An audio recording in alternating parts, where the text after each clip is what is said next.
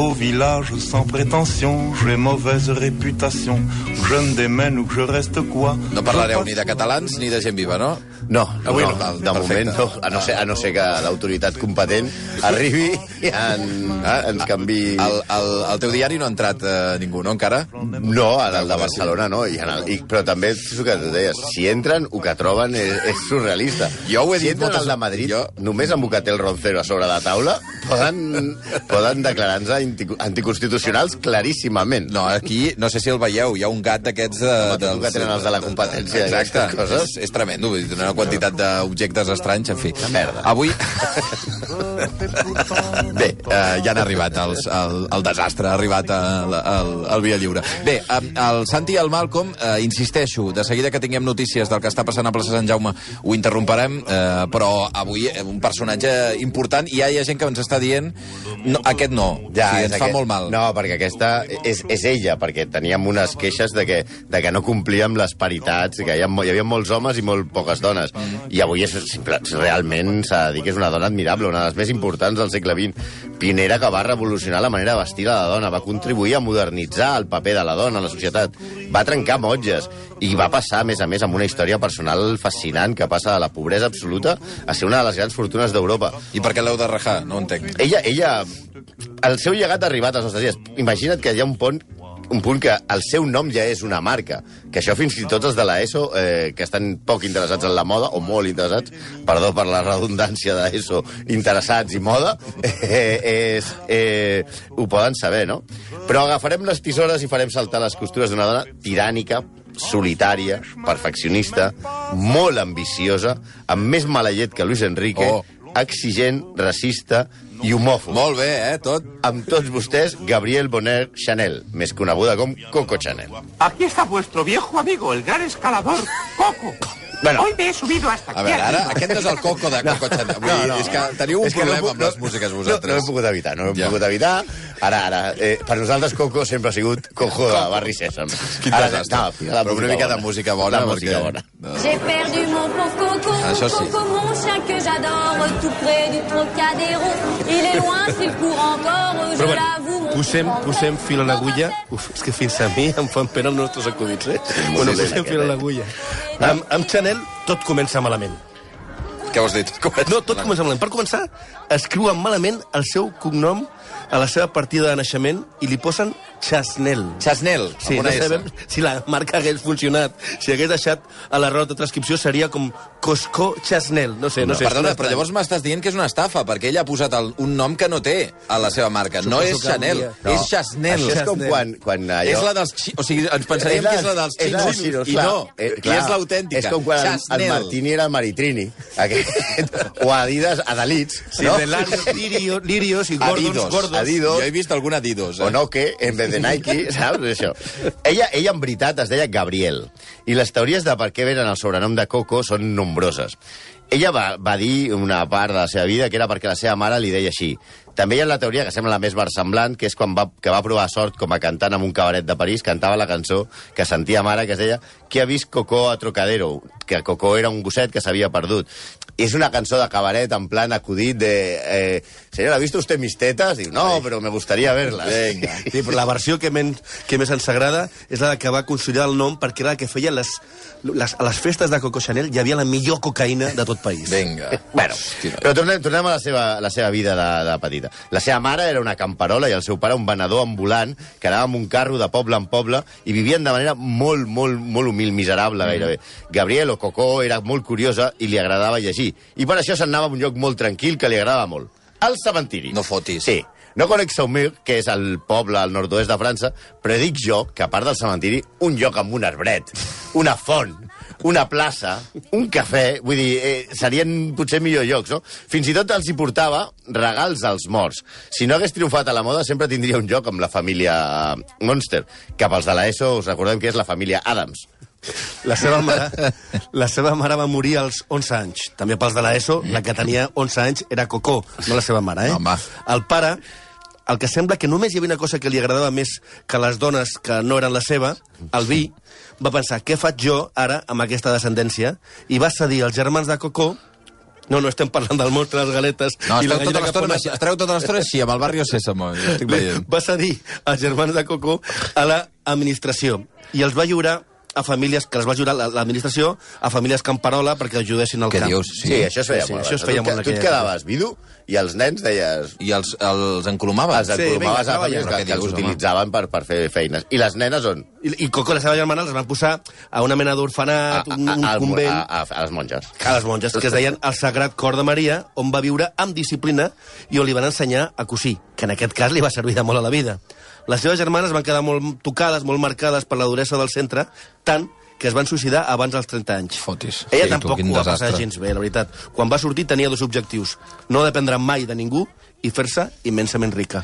Amb els seus germans va perdre el contacte quan es va afartar de pagar-los una pensió a canvi de que no revelessin el seu parentiu. Heu de pensar que Coco Chanel va progressar molt a la societat i va ser la mega alta societat. O sigui, mm -hmm. alternava, com ara us explicarem, amb reis, prínceps, ducs, etc. Alternava en el sentit més carnal del terme, també. Ah, d'acord. I ella el que volia esper- a, a tota costa era amagar els seus orígens humils. I aleshores què feia? Va pagar als seus germans una pensió mensual de diners per ocultar, perquè no revelessin que eren els seus orígens tan humils. Sí, sort té de que no existissin els programes del cor. Ara Perquè serien, ara ells se serien més rics que ella, venent exclusives Sálvame sobre les tot seves arreu. apassionants gresques, els Los hermanos perdidos de. Coco Chanel. Exacte. Ella, Ui. ella va amagar la història, va, va fins i tot va, va inventar-se una història, tota la gent que la coneixia va dir que el seu pare, el que mai va tornar a veure després de que, el, de que les deixés en adopció, bueno, en adopció, no sé, que les va col·locar allà al monestir, va, estava de viatge per Amèrica, que els seus germans eren rendistes, bueno, en certa manera tenia raó, eren, Eren rendistes, rendistes, eren rendistes. Les rendistes d'ella, i que s'havia criat amb unes tietes en lloc de l'orfenat amb les monges. Sí, també va amagar, par, va amagar, parlant de família, que el seu pare no es va casar amb la seva mare fins que la família de la seva mare li va pagar uns diners perquè ja l'havia deixat embarassada. Però us pregunto, com va passar d'un or- d'un orfenat, d'una vida tan miserable i tan dickensiana, no?, Mm, d'Oliver. Twist i tal, a ser una estrella de la moda i a ser una de les dones més riques del món? Mira, primer va fer un tipus de treballs quan va sortir del, de l'orfenat. Va treballar en una sastreria, va cantar com a secundària en cabarets. Sí o no? I, sí, eh, la cançó que sentia amb aquell de, de, de, que he perdut el meu cocó, Sí. aquesta de Mistetes, eh, la cantava amb un, amb un cabaret. I allà al cabaret què passa? Que anaven els senyors amb possibles. Ah. I ella realment era molt guapa. Mm -hmm. I aleshores resulta que un senyor molt ric, que es deia Etienne Balsan, la veu al cabaret, i se la queda com eh, amant, mantinguda, i, i, i se la porta a viure eh, amb ell. Poc així va conèixer a, a, a altra gent que també alternava, que era més rica. I coneix el que probablement va ser un dels homes de la seva vida. Un capità anglès que es deia Arthur Edward Capel, que conegut com a Boy, Boy, com el fill de Tarzan. Eh, era Com els locals, vols dir. Sí. A- Aquest, aquest tipus era un, un home eh, que seria un Bertie Wooster de la vida. Eh, Bertie Wooster, per que no sabeu qui és, el, els de l'ESO especialment, és el personatge de Wodehouse, que és el típic anglès vividor... Un dandy. Que, un dandy que viu a, a, i que té el, el majordom Gibbs, que és el que li, el salva de totes les desgràcies amb les que es fot Bertie Wooster. Pues ella es va conèixer un Bertie Wooster. I tenia com a nòvios pues, a Balsan i a, i a, i a Boi. Ella mateixa va escriure Dos cavallers licitaven pel meu petit cos calent. Això Vinga. no caldrà que us No. expliqui massa No, què no, vol dir jo licitar, crec que no pod- no cos cal calent i tot això. massa. Bé, Sí. al final es queda amb Edward, el, bo, el, el Boi, diguem-ne, Sí. l'anglès, que decideix sufragar les botigues de Coco Chanel. Sí, va començar amb barrets, perquè havia tingut com a professor a ajudants del mestre de l'època, que es deia Lucien Rabat, però aviat van cridar l'atenció als vestits que ella mateixa portava i que se'ls se dissenyava ella mateixa. Els seus vestits més andrògins i més còmodes van revolucionar la moda i aviat ja guanyava molts diners i era el referent de la nova moda. Però Boi, ai, pobre Boi, com, com si fos el fill de Tarzan, va morir amb un accident de cotxe. Hosti, quin desastre de, de, de vida. Sí. Ella drama, eh, tu. té un accident de cotxe i ella va mig embogir. Va construir un monument a la corba de la carretera on s'havia matat el seu amant, perquè ell ja eren amants, o sigui, perquè evidentment Boy la tenia Coco Chanel com a amant, però s'havia casat amb una lady com cal, una lady com cal que portava unes banyes com el Big Ben, però bueno, s'havia casat, havia fet un, un bon matrimoni, no? I ves per on va néixer, així ella va, va patir molt el, el dol per ell i va decidir que es vestiria de negre. Mm -hmm. I d'aquí va sortir la seva peça més preuada, que és el que ella anomena el petit vestit negre, que jo no ho sabia, però informant-me això és ideal per anar de còctel. Ah, sí? És el, és, és el, És el que- dona hauria de tenir un petit vestit A negre a tu et Chanel. quedaria bé, A també. mi em queda molt A bé. Marc, queda em, molt bé em de tira una mica de l'entrecuix, però, però em queda bé.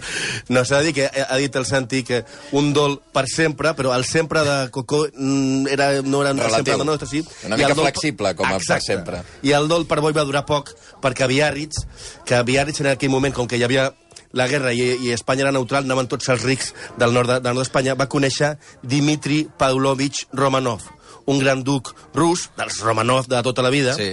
i a Cocó li agrada, la veritat és que a Cocó li agrada més als milionaris que a Santi una Voldam. Sí, més o menys. Tenim, tenim...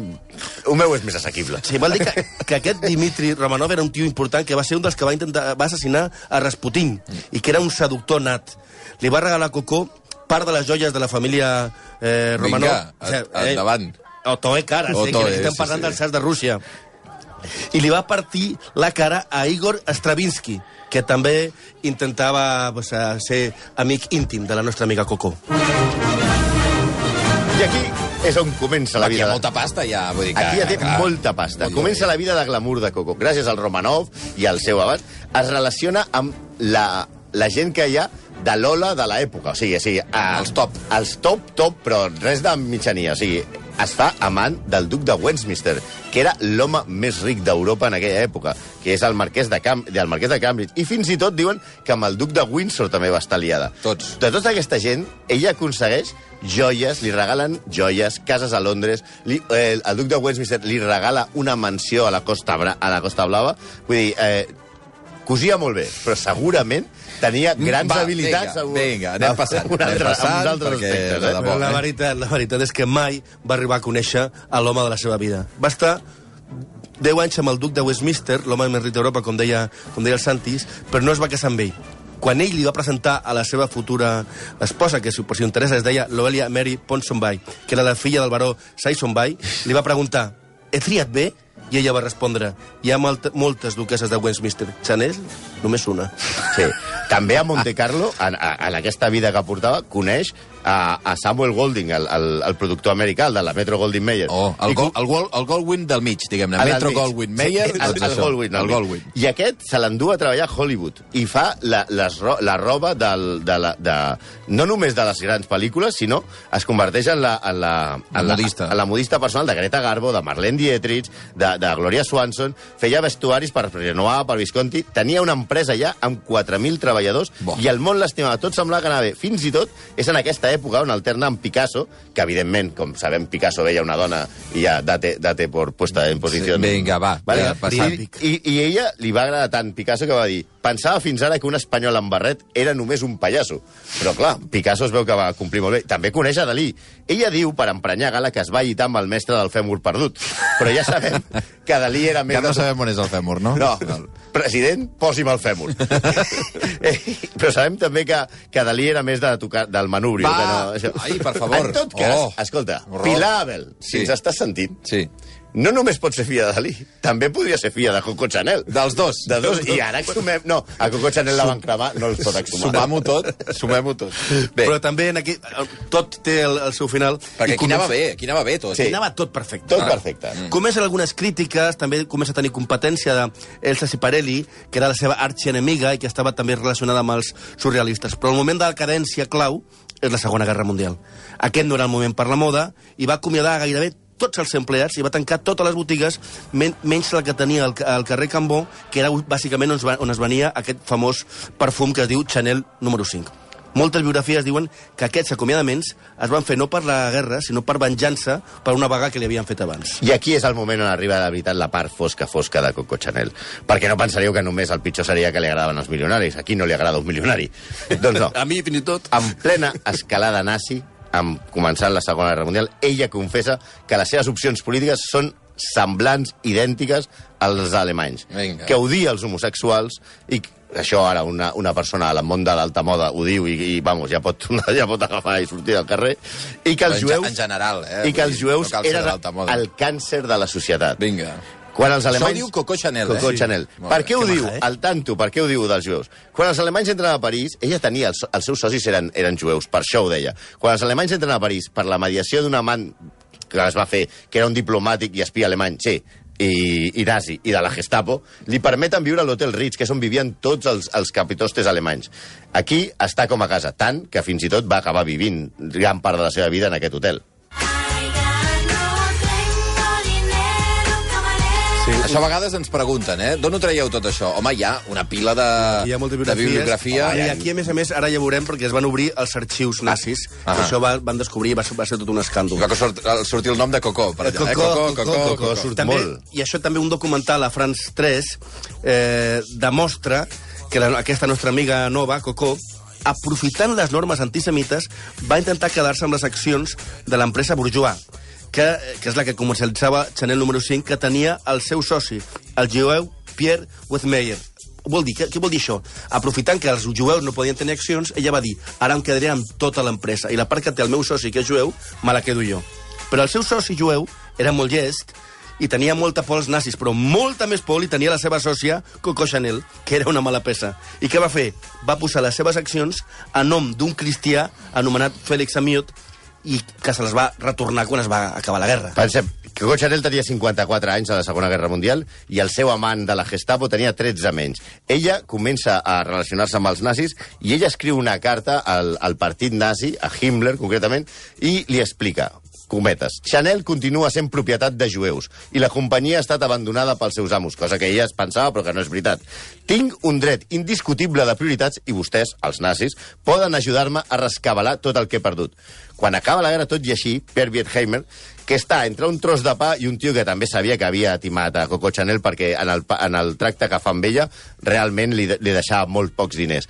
Però sap que hi ha un contenciós, eh, Wertheim- Wertheimer, eh, lloga un advocat només per pleitejar contra Coco Chanel. Després arriben a un acord perquè veuen que la- l'enfrontament fa molt mal a la, mar a la marca i, com, i quin és l'acord que arriba Wenheimer i, i Coco Chanel? Decideixen donar-li el 2% dels beneficis mundials de la marca que ella renunciava, ella renunciava a fer cap perfum més amb el seu nom i, a més a més, li paguen totes les despeses grans o petites que tingui fins que es mori. És a dir, els Wenheimer li paguen tot, des del taxi fins, a la, fins al Ritz, fins la, les, el xampany, tot. Això, a Coco Chanel, que era una dona de gustos bastant exigents, és com si tu convides al Malcolm a dinar a un barra lliure. Sí, bastant car. Però sempre, sempre tot pot anar pitjor. Al desclificar, com deia, els arxius nazis, es van descobrir que Cocó era l'agent F7124 de l'Abher, el servei d'intel·ligència de l'exèrcit alemany. El seu nom en clau era Westminster, com no. Ella coneixia tothom i les seves relacions arribaven a tots els països. Va tenir diverses missions, algunes d'elles a Espanya, en relació a Gibraltar per tancar l'estret, però la més sonada era la relacionada amb Winston Churchill, el que, a la que, el que Cocó ja coneixia. Era l'operació que van dir Model House. Chanel es va entrevistar fins. Perdona, eh, Santi, passen 5 minuts de dos quarts de... No, parlant de Hitler. De, de, do, dos quarts de, de passat, 12 del matí. Espera, eh, anem cap al el, ca- cap al, al, a l'Ajuntament de, de Barcelona, eh, on tenim la Sílvia Solanes, perquè veiem que ara s'acosta de Colau, eh, Sílvia, Sí. i veiem els alcaldes, que ja en són moltíssims, aixecant les vares. Sí, sí, cridant votarem.